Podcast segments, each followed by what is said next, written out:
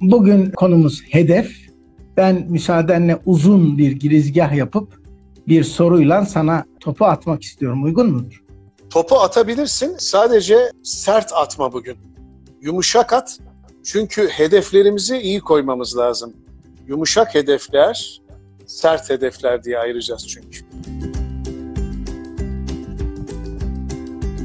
O zaman uzun girizgah ve soru geliyor. Hazır mıyız? Hazırım. Tamam. Hedef nedir? Neden konulur? Buyurun. Hedef içi boş, kapitalist bu dünyada bizlerin çalışması için çalışmak iyi bir şey olsaydı üstüne para vermezlerdi. E veriyorsan o zaman niye çalıştırıyorsun kardeşim? Yani şurada şu dünyada yaşayalım gidelim hedefler olmadan sadece ertesi gün ne olacağını bilmeden bir hayat yaşasak ne olur sanki? Koymuşum bir hedef bunu konuşturuyorsun bize. Biz havuç konulmuş adeta bir av köpeği gibi veya bir ödülün peşinden koşan bir canlı gibi çalış de babam çalış. Kime çalışıyor? Sanırım köpekte bir şizofreni sorunu var. Kendini davşan Var. zannediyor. Davşan zannediyor. Davşan zan- Ona bile hedefi yanlış koymuşlar gördüm. Evet hani hedef. Evet. Şimdi önce şuradan girelim mi? Sen ben ufak ufak sorayım. Sen e, sorulara klasik şekilde uzun yazılarla e, test olmadan cevaplar ver kardeşim. Bir, hedefle niyet arasındaki fark nedir kardeşim? Bir onu söyle bak. Niyet genellikle beş vakit namazdan önce kullandığımız. Niyet yok yok dünyevi olarak anlatalım konuyu. Evet. Niyet ile hedef arasındaki fark birisinin iş hayatında kullandığımız, diğerinin ise sosyal yaşamda, aile yaşamında sürekli kullandığımız ve hep bir niyetimizin olduğu ama o niyetimizi bir türlü hedeflere form haline getiremediğimiz için, hedef formuna getiremediğimiz için iyi niyetli olarak kaldığımız aslında çok da kullandığımız bir enstrüman. Şimdi e, şöyle söyleyeyim Muratçım. Hayatın bir dizilimini çıkart deseler bana, ben şöyle bir dizilim çıkartırdım. Hayatın ilk başlangıç noktası niyet olurdu. Arkasından samimiyet gelirdi. Niyet, samimiyet, bilgi, beceri, donanım, davranış, sorumluluk ve tekrar en başa git bak bakalım niyetinle aldığın bu sonuçlar birbirini karşılıyor? Yani şöyle söyleyeyim Murat, hayatın diziliminde yaşamla hayatı ayırdık ya, yaşam daha çok fiziksel ve fizyolojik ama hayat daha çok ruhsal, duysal, duygusal olguların bir araya geldiği bir havuz. Hayal dünyamızın, duygularımızın coştuğu, inançlarımızın hafiften onları böyle e, alttan kızarttığı ve kadayıfın altını böyle hafiften kızartırmış gibi düşün. O güzel inançlarımızla, tutkularımızla ölçülü olarak. Her şeyin başı niyet. Ama samimiyet o niyetin yanına geldiği zaman çok yakışıyor. Çünkü senin samimiyetin kendine olan yakınlığın demektir. Bunu Bir samimi niyet ve diye kısaltalım. Kısaltalım. Sonra samimi niyetten sonra bilgiye ihtiyaç var Murat. Yani niyetlerini hayata geçirebilmek ya da niyetini gerçekten yararlı bir hale getirebilmek için bilgiye ihtiyaç var. O bilgiyi bir beceriyle pratize etmen lazım. Yani o bilgiyi edindikten sonra onu hayata geçirmek zorundasın. Beceri çünkü bilginin hayata geçirilmiş halidir. Ve yetenekli insanlar bilgiyi hayata geçiren becerikli insanlardır. Yetenekle beceriyi de buradan böyle ayırmış olduk bak dikkat edersen. Beceri ayrıdır, yetenek ayrıdır. Çünkü hayatta herkes yetenekli değildir. Çünkü her yetenek doğada mutlaka bir hatayla dengelenmiştir. Farkında olalım ya da olmayalım.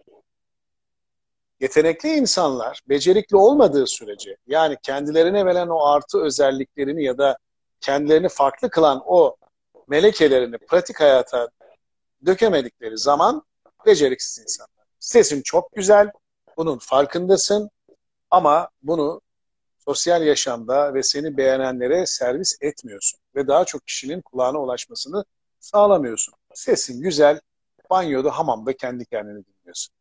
Yetenekli olabilirsin ama becerikli değilsin. Demek ki bilgiyi hayata geçirmek, yeteneği hayata geçirmek donanım işidir.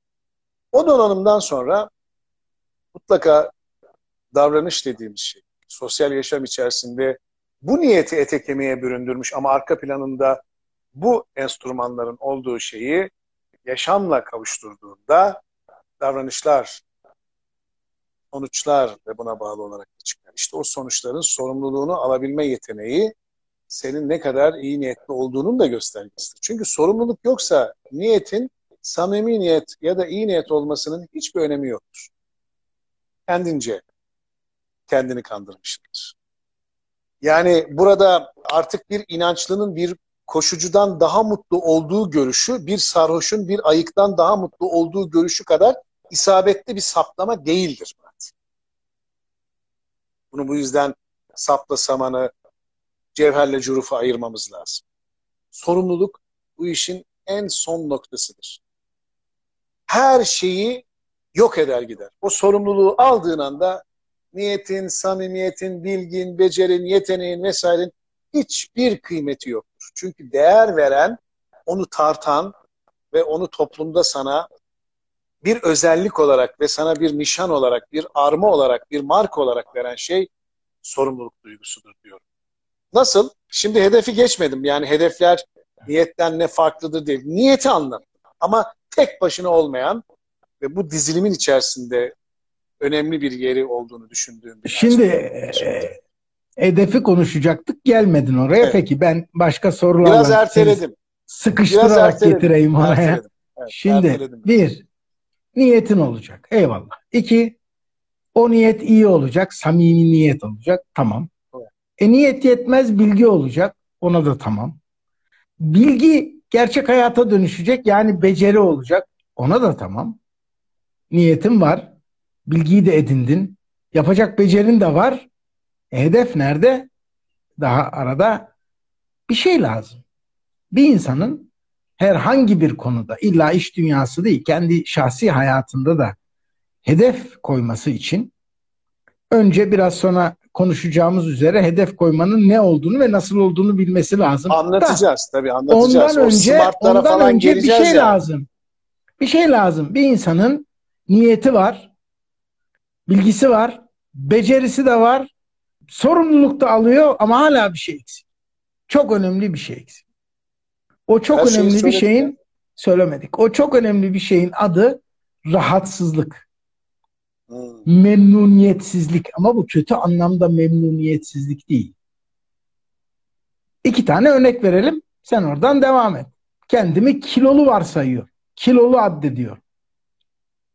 Niyet ettim Allah rızası için diyet etmeye. O da tamam.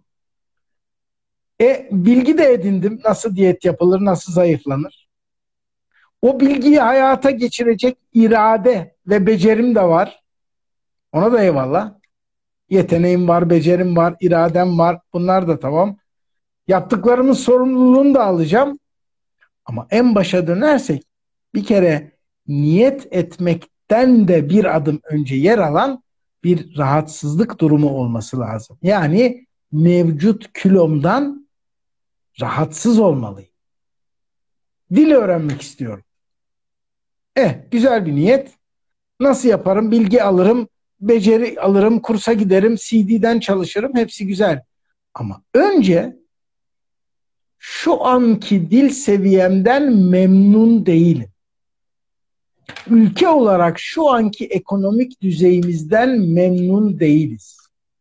Firma olarak şu anki satış pazarlama kotamızdan, e, ciromuzdan, pazar büyüklüğümüzden memnun değiliz. Şahıs olarak şu anki kilomdan, dil becerimden, bilgi seviyemden memnun değilim. Yani bir rahatsızlık olması lazım.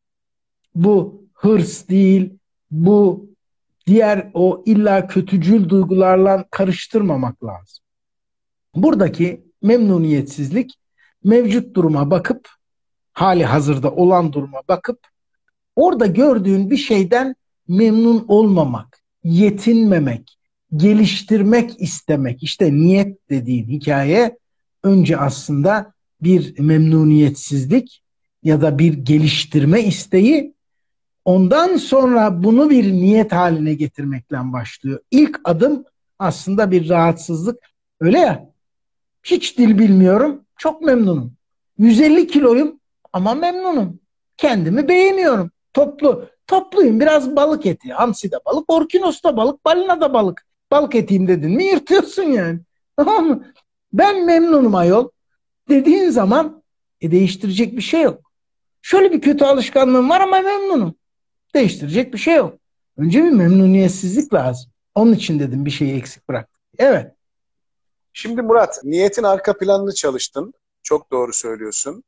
Bir şeyin niyet ya da hedef haline gelebilmesi için değişim dediğimiz şeyin o değişimin de ortaya koyduğu rahatsızlık alanı oluşturması lazım. Bir şeylerden rahatsız olursan niyet etmiş olursun. Fakat iyi niyet ben insanlarla her zaman samimiyeti ve insanları anlamaya yönelik bir iyi niyet anlayışı geliştirebilirim. Bunun için bir şeyden rahatsız olmana gerek yok. Çünkü bizim belki de bugün ayırmamız gereken ki çok önemli bir noktaya temas ettin. Niyetle hedefi ayırtmaya çalıştın bana. Çünkü niyetle hedef bence birbirine çok benzeseler de birbirinden bir yönden ayrılıyorlar. Çünkü niyet daha çok insani, daha çok tikel, daha çok bireysel ve içine iyi niyetin ve kötü niyetin girebileceği, her iki uçta da boşlukları olan, neyle doldurursan onu temsil eden bir şey. Ama hedef öyle değil. Hedef katı, hedef daha tümel, hedef bireysel de olsa sonuçta biraz daha kurumsal ve e, sonuçta belli kategorilerle anlatabileceğimiz bir şey. Ve şansa ihtiyaç yok orada.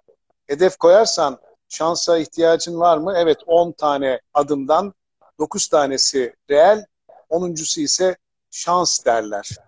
Yani o şans olmadan o 9 reel şeyin bir araya gelmesi işte bilgi, beceri, donanım, sermaye, e, yetenek vesaire bunların her biri olacak tamam ama bir de şansın olacak. Doğru. Şans dediğin şey önüne gelen fırsatları görebilme yeteneğidir. Herkesin önünde şu anda fırsatlar var. Ama görebilme yeteneği gelişmişse şanslısın. Ya kusura bakma yani e, milli piyangodan çektiğin biletten kalan kazandığın para şans değildir. Ona biz şans demiyoruz. O çünkü olasılıklar içerisinde bir tanesini bulman için bir bilet alman gerekiyordu. O bileti aldığın için şu anda sen şanslısın. Sana çıktığı için değil. O bileti almazsan hani hiçbir şey yapmadan dua ediyor ya insanlar. Emek yok ama talep var. İşte ben de diyorum ki ya önce bir şeyi sonuçlandırabilmek için ben sonucunu emeğim karşılığında yapacağım ama bununla ilgili olarak beni bu koşulların yalın olan tarafıyla karşılaştır. Kötü koşullar benim şu anda emeğimi zayi etmesin diye dua etmekle hiçbir şey yapmadan Allah'ım evim barkım olsun, yazdığım olsun demek arasında çok fark var.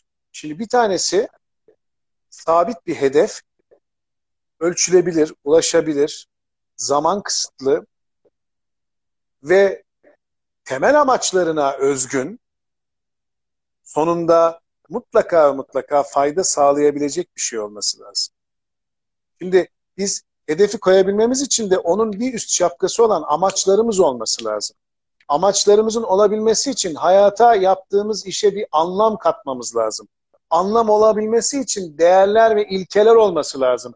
Değerler ve ilkeler olabilmesi için etik denilen şeyin çalışması lazım. Şimdi bunların her birinin birer arka planı var. Somut olandan soyut olana doğru gidersin. Çünkü basit bir, bir, bir biraz, biraz, bile biraz biraz aldı hızını gidiyor. Gözleri de böyle kaldırdı yani. yukarı.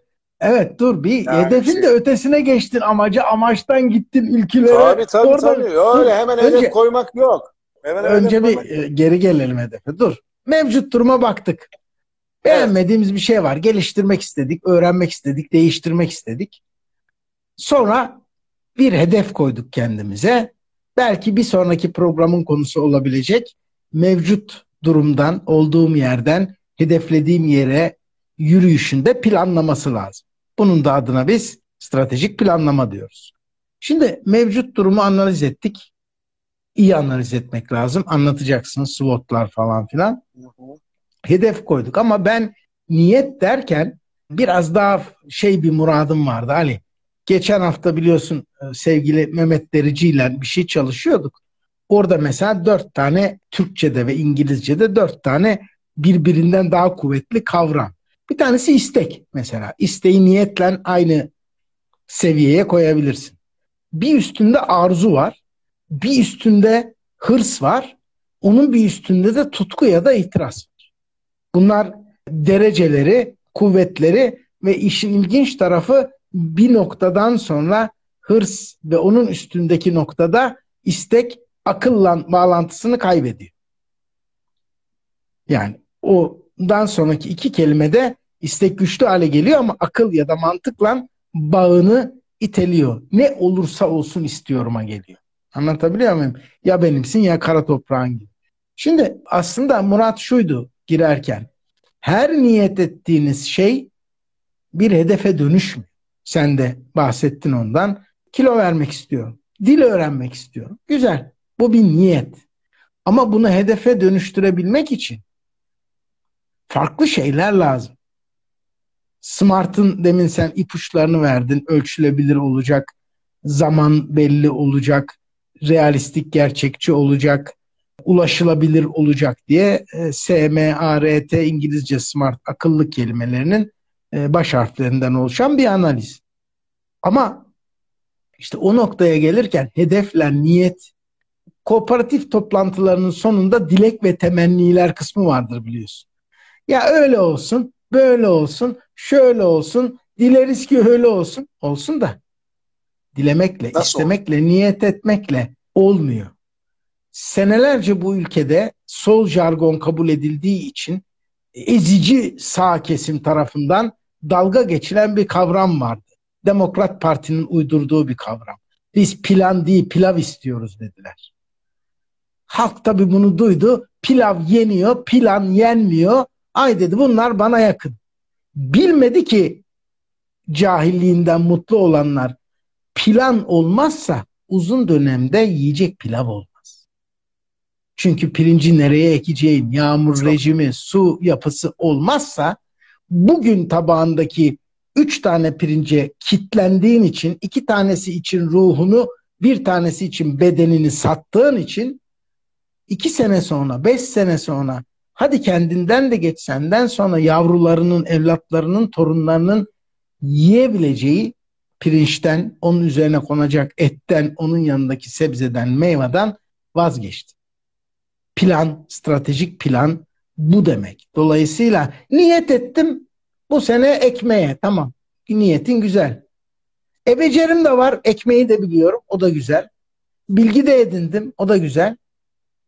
Tamam ama doğru zamanda toprağın doğru durumunda tavında sen anlatırsın ona hep tav hikayesini. Değil mi? Toprağın tav durumunda. Doğru Toprak, mevsimde, su, hava. doğru derinlikte ekilince, doğru şekilde sulanınca stratejik plan, o yol haritası mevcut boş tarladan ekinlerle, başaklarla dolu tarlaya giden yolun her aşamasının planlanması. Ne zaman dikilecek, ne dikilecek, kim dikecek, kaç kişilik bir kuvvet lazım, insansa kaç kişi değilse traktör mü, kaç traktör, nasıl bir gübre atılacak, atılmayacak mı, organik mi olacak, olmayacak mı, nasıl sulanacak, yağmur yağarsa ne olur, yağmazsa acil durum planım ne, ne zaman biçilecek, o zaman orakla mı, biçer döverle mi, insanlarla mı, biçildikten sonra saplan saman dedim nerede ayrılacak? Ayrılanlar saplar nasıl paketlenip kime satılacak? Taneler nerede biriktirilecek? Un mu olacak? Bulgur mu olacak? Bunları planlamıyorsan sarf ettiğin her şey boşa gidiyor. Şehirlere bina yapmak kolay çok bina yapmak ekonomik kaynakla ilgili. Ama bunların hiçbirisi o şehrin büyümesiyle ilgili değil. Çünkü şehrin büyüyüp gelişmesi demek şehir planlamasıyla olan bir şey demek. Ne yöne gidecek? AVM'ler nerede olacak? Trafik bunu nasıl kaldırır? Hangi yönden hangi yöne? Sabah trafiği, akşam trafiği doğru değil mi Ali? Bir şehire 3000 tane daha bina dikince şehir büyümüyor. Hantallaşıyor. Bazen boğuluyor. Oksijenini kaybediyor yanlış yerlerde yoğunluk oluyor. bina yapabiliyorum. Tamam herkes yapıyor. Dünyada en kolay şey çimentoyu, demiri iki tane de mühendisi bulduğun zaman niye en kolay şey? Çünkü 400 amele ve iki mühendis gerekiyorsa. 400 mühendis ve iki amele gereken işleri yapanlar elektronik kart devre ve kodlama yapıp 1 kilo emtiayı 1000 dolara dünyaya satıyorlar. Biz 1 ton yani 1000 kilo emtiayı 1 dolara dünyaya satınca ihracat yaptık zannediyoruz. Onun için hedef böyle bir şey. Doğru mu? Doğru Murat. Ben ikisini de birleştireyim. İyi niyetli hedefler yapacaksın. Hedeflerin sayısal verilere ve aynı zamanda yaşadığın hayatın içerisinde faydalı sonuçlara mutlaka vesile olacak. Ama iyi niyetle yapacaksın bu hedefleri. Bu hedeflerini ortaya koyarken bir başkasının ekmeğiyle oynamayacaksın. Emeğini sömürmeyeceksin. Bir başkasının hayat düzenini bozmayacaksın. Duygularını yok saymayacaksın. Sömürmeyeceksin. Hedeflerin, ticari hedeflerin ya da kişisel hedeflerin hiç fark etmez ki. Bugün hedefler daha çok satış ve pazarlama ve şirketlerin stratejik planlamasında kullanılan enstrümanlardır. Burada kullandığımız bu enstrümanlar, hedefler kişisel olarak insanları bir yere getirmez. Başarılı yapar ve para kazandırır. Prim alırsın, maaşına zam alırsın. Bizim bugün aslında konuştuğumuz şey şu olmalı. Biz hedefleri iş hayatına bırakmalıyız. Hayatta bizim hedeflerimiz olacaksa iyi niyetli hedeflerimiz olmalı. Eğer bireyden bahsediyorsak. Bir toplumdan bahsediyorsak o toplumun yönetenlerin stratejik hedefleri olmalı. Çünkü strateji, plan bunlar dışarıdan gelmiş ithal sözlerdir. Planın Türkçe birebir karşılığını bulamazsın tek bir kelime olarak. Stratejinin karşılığı yok.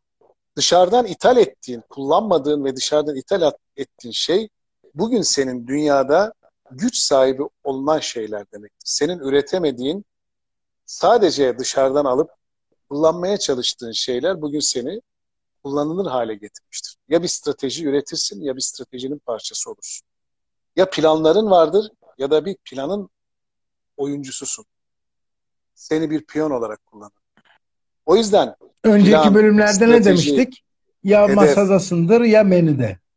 Ya tozu dumana katarsın ya tozu dumanı yutarsın. Hı. Bu iş böyle. Bizim bugün bugün konuşmamız gereken belki de en önemli şey şu. Biz gerçekten insan olarak çevremizde ailemizin, sosyal çevremizin ve iş hayatımızda iyi niyetli olarak insan olarak anılıyor muyuz? Peki iyi niyetimizi nasıl gösteriyoruz? İyi niyetin göstergeleri nelerdir? Smart gibi iyi niyetinde ölçülebilir, sonuç odaklı, gerçekçi ve spesifik olması, zaman tahtitli olması gibi bir kritere bağlı mıdır? Hayır. İyi niyet iyilik yapmakla ölçülebilir. İyilik ise yapanı mutlu, yapılanı hem umutlu hem mutlu yapan şeydir. Çünkü bunun adına iyilik diyebiliyorsun. Şimdi bak, bugün kutsal kitapta, Kur'an'da iyiliğin tanımı ancak bu kadar güzel yapılabilirdi. Yapanı mutlu, yapılanı hem umutlu hem mutlu. Yani bir umut veriyorsun, iyilik yaptın ya, onu hayatının artık son noktasına geldiğini, bütün umutlarının karardığını veya bittiğini düşün. Yeniden ona bir umut açıyorsun. Umut açıyorsun ve ona bir iyiliğin dokunduğu zaman onu mutlu ediyorsun. Çünkü onun mevcut durumunu değiştiriyorsun. Hani deriz ya işte züccaciyeci dükkanına girmiş bir fil gibi de olabilirsin. Hayatları yıkabilirsin. Ama insanların hayatlarına dokunup inanılmaz güzel şeyler yaratabilirsin. Değişiklikler yaratabilirsin ve insanların hayatında hiç unutamayacağın o güzel duaları, o güzel şükranları, teşekkürleri alırsın. O yüzden niyet dediğimiz şey, bizim iyi niyet dediğimiz şey, iyinin iyiliğe dönüşme halidir.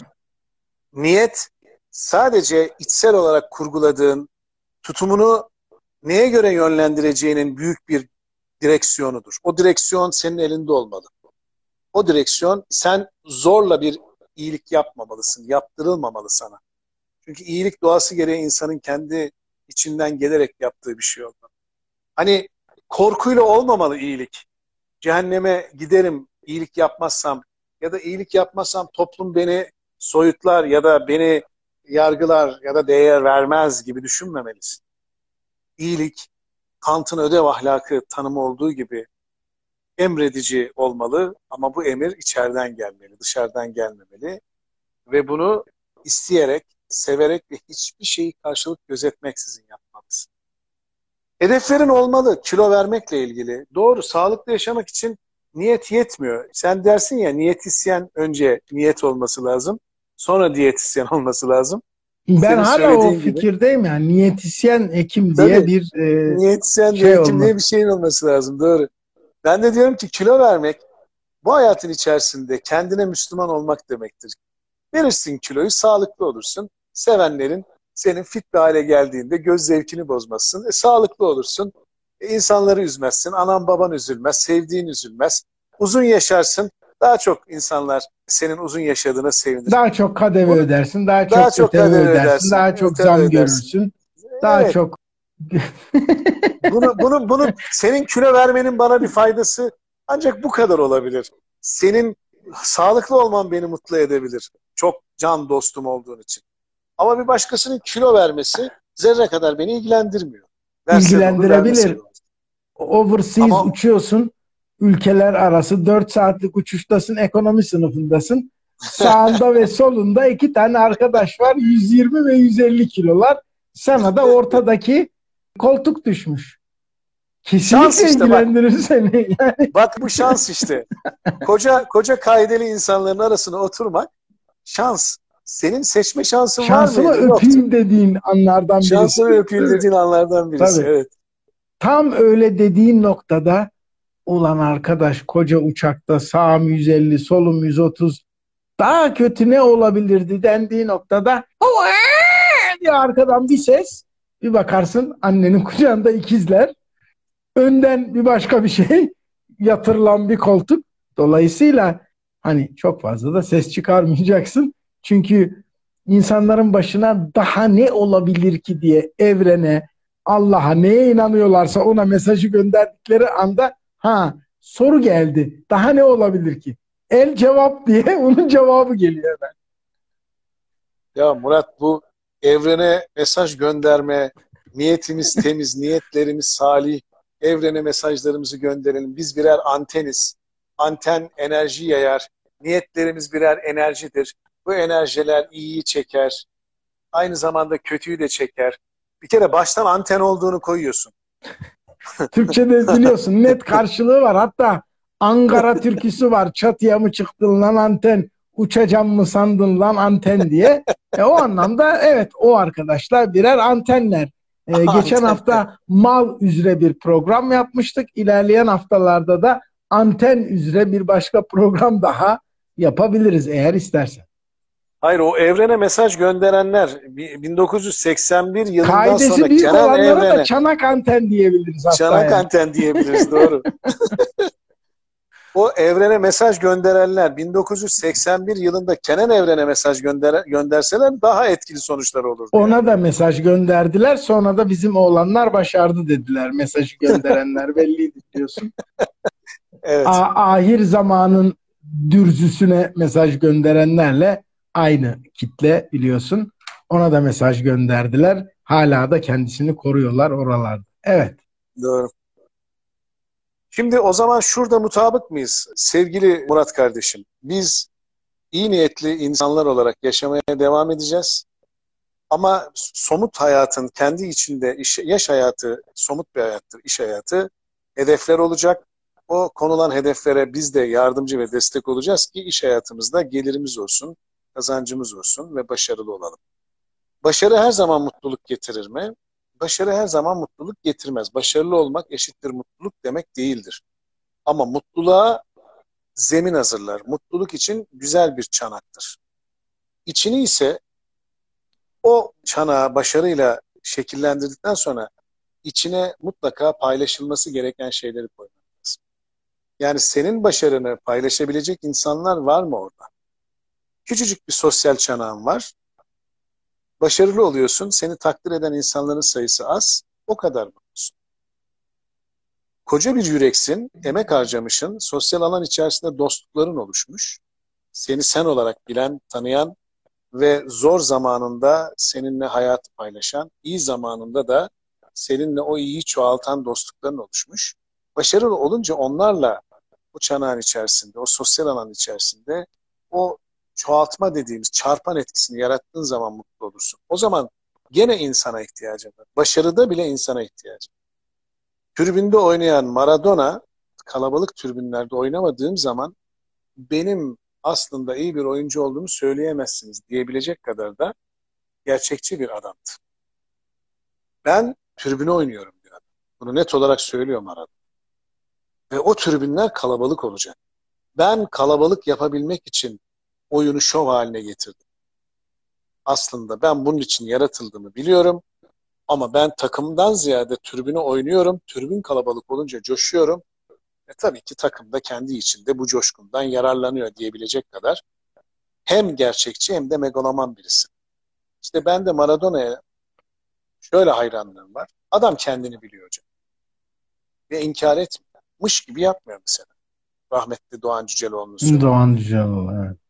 Mış gibi yapmıyor. Yani gerçekleri kendi üzerine kurgulamış. Ya bundan takım arkadaşım bozulur mu bozulmaz mı diye sormuyor. Bir röportajında diyorlar ki yani dünyaya gelsen bir daha Maradona olarak gelir misin diyorlar ki Maradona artık o büyük olaylar yaşamış, güzellikler yaşamış ama kötü hayatı da yaşamış sonuçta. E, jübilesini yaptıktan sonra bir çocuğu intihar eğilimli olmuş. Karısından boşanmış. Kalp ameliyatı geçirmiş. Uyuşturucu tedavisi görmüş.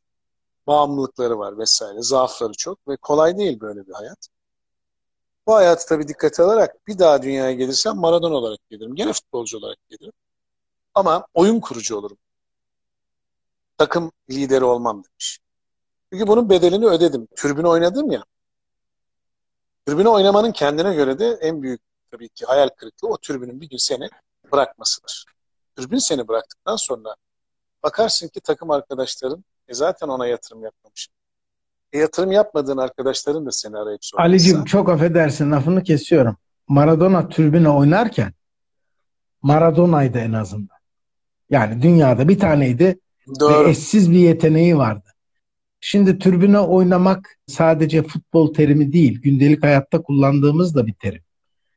Yemek o sofrasına oturur oturmaz yemeği ne yiyeceğini değil de tabakta ne resmini çekeceğini düşünen onu kaç kişi beğenecek, kaç kişi takip edecek? Yani bu sosyal medya oyunu mesela türbüne oynanan bir oyun. Çok Neredeydim, doğru. ne yaptım, ne yedim, ne giydim, kimi gördüm, kimi dinledim, kim beni takip ediyor, ben kimi takip ediyorum. Şimdi hayatın büyük bir kısmı türbüne oynamayla ilgili. Geçenlerde konuştuk yani eskiden makyaj yapılırdı. Şimdi makyaj ve estetik birleşmiş nitelikli dolandırıcılığa girmiş suç. Yani suç olmaya başlamış. O kadar bir fark var. Bu oyun türbüne değil midir? Moda dürbüne ya da oynuyor, tarz. Ha, moda ya da tarz başka bir şeydir. Yani tarz bence önemlidir. Moda Bak, yıldan yıla değişir. Dürbüne. Evet. Bakanlara, görenlere, seyredenlere, Ona takip oynuyorlar. edenlere. Dü, takip et. Röntgencileri oynuyorlar. Dürbünü oynuyorlar. Dürbüne Ve değil. Yani seni izleyenler dürbüne de dürbüne de oynayanlar keşke Maradona'nın tırnağı olsa. Çünkü keşke, Maradona bunu oynadığı zaman e, Santiago Bernabeu'yu, Arjantin'i, bütün dünya kupalarını, bütün dünya televizyonlarını ve televizyonların başında o dönemlerde 1 milyar, 1,5 milyar izleyen futbol meraklısı dünya kupalarında insanı hakikaten oturtur, kaldırır, sevindirir, güldürür, hayret ettirir. Çünkü o Maradona'ydı. Şimdi sosyal medyada ya da hayatın diğer alanlarında sadece sosyal medya değil televizyonlar da pespayelik halde.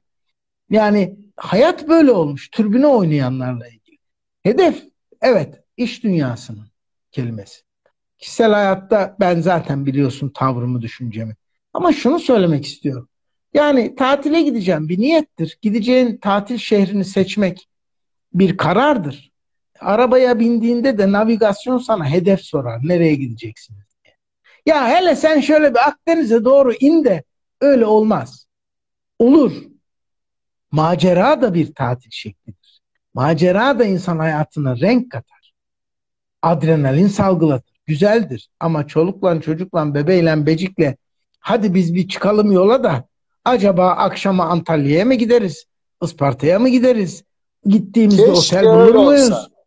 Bak Keşke bu bir olsa. tercihse ve arada sırada yapılıyorsa ve macera yaşamak için yapılıyorsa çok güzel. Ama bir yere varmak istiyorsan o yere gitmeyi hedeflemelisin. Ha, ondan sonra ben buraya arabayla kaç saatte giderim, uçakla kaç saatte giderim, maliyeti ne olur, nerede mola veririm. Bu planlama, stratejik planlama. Ne yapacağım, ne edeceğim. Bununla boğularak yaşarsan ölürsün. Eyvallah, bu da doğru. Ama hani gideceğin bir yere hedeflemiyorsan da 20 depo benzin yakabilirsin, 5000 kilometre yol yapabilirsin, 3 gece uykusuz kalabilirsin. Sonuçta hatta çok azmedersen dünya yuvarlak olduğu için bir gün evine geri dönmüş olursun hiçbir yere varamadan. Dediğin doğru. Eğer dünyayı tur atmayı, gezmeyi hedeflediysen o zaman o tur güzel. Ama varmayı hedeflediysen yani varmaksa amacın bir hedef olacak ki oraya varasın. Eskiler menzili maksut derlerdi. Yani ulaşmak istenen yol. Öyle bir şey olmalı. Bir yere mesela hedef 2023. Öyle bir hedef yok. Zaten 2023 sen istemesen de gelecek kıyamet kopmazsa. 2023'te ne olmasını hedefliyorsun? Dünyanın en büyük 10 ekonomisi arasına gidiyor. Ha bak bu ölçülebilir bir hedef. 10 büyük ekonomi. O zaman o ölçü kriterlerini koyarsın. Nedir bu? 10 gelişmiş ekonomi mi? Büyük ekonomi mi? Çünkü gelişmiş ekonomi Almanya, büyük ekonomi örneğin Arabistan. Çok büyük bir ekonomi ama gelişmiş değil. Doğru mu?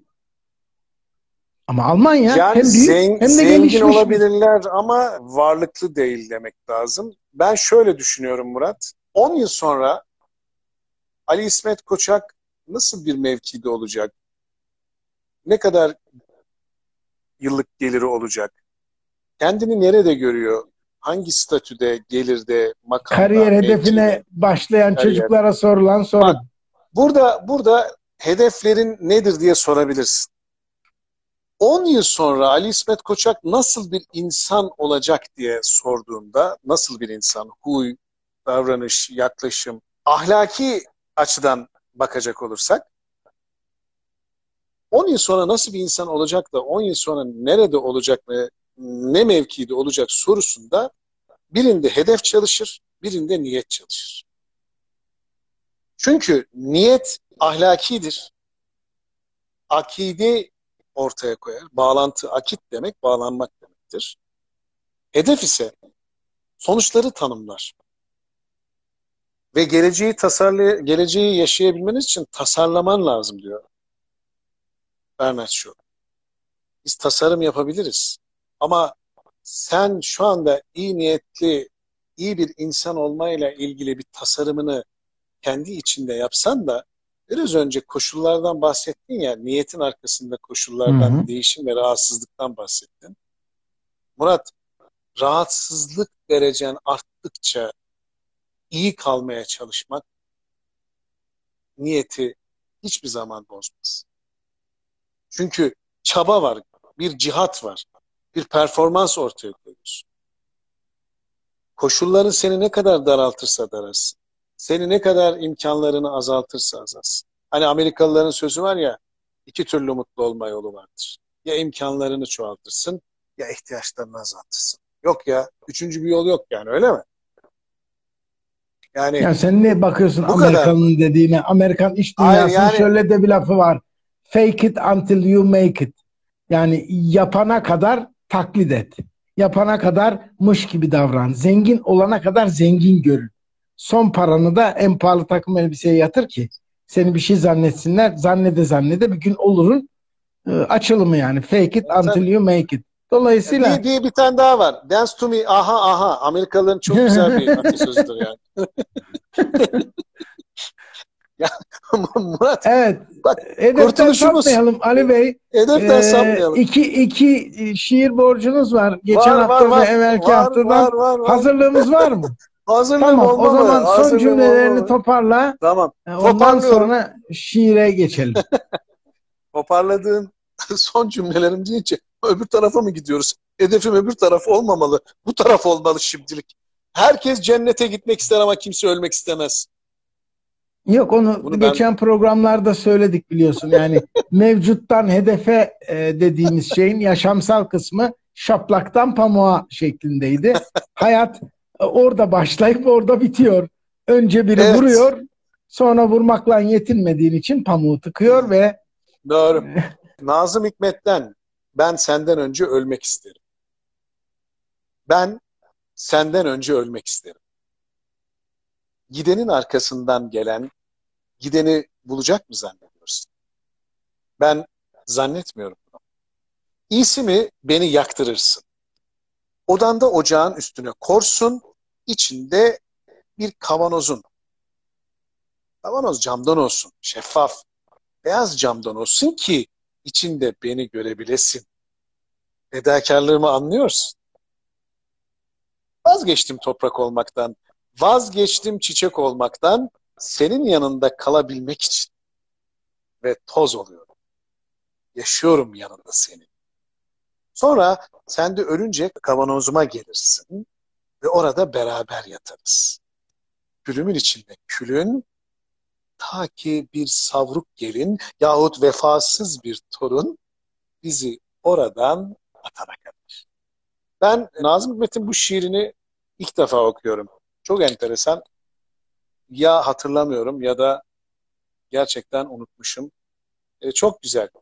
Nazım Hikmet'in bu öldükten sonra kavanozda buluşabilme yeteneği. Yani o hayal edebilme gücü var ya o kadar güzel ki kavanozda buluşalım yani. Sevgilim çimenin üzerine dizüstü oturalım. Karşı be karşı. Hava lezzetli ve aydınlık fakat iyice ısınmadı daha. Çağlanın kabuğu yemyeşil tüylüdür. Henüz yumuşacık. Bahtiyarız yaşayabilmek için diyor. Bu da ikinci buklesi ve böylelikle Nazım Hikmet'le bugün şiir faslımızı tamamlamış Evet, e, bu arada ipucu da verelim. Nazım'a ilişkin bizim birkaç programda küçük küçük bölümlerimiz var ama bir de ceviz ağacı sorusuna cevaben e, Nazım'ın 13 sevgilisinin tek tek adlarını, tarihlerini ve ilişkilerini anlattığımız yarısından çoğu Nazım'a ayrılmış. Nazım aşka aşıktır, aşık olmaya aşıktır. Kadınsız olmadığı için de 13 tane de sevgilisi vardır. Yoksa Nazım Piraye'ye değil aşık olmaya aşıktır dediğimiz Doğru. bir de programımız var. Eski bölümlerimiz arasında bulabilirler. Bitirelim. Herkes haftaya kadar kendine iyi baksın. Spotify, Apple ve diğer platformlarda üye olmayı, abone olmayı, arkadaşlarınıza söylemeyi unutmayın diyorum. Eklemek istediğim bir şey var mı? Bütün reklamları yaptım. o zaman Artık bu reklamlardan sonra ben e, iyi geceler diliyorum. Hoşça kalsınlar. Görüşünceye kadar herkes kendine iyi baksın. Hoşça kalın.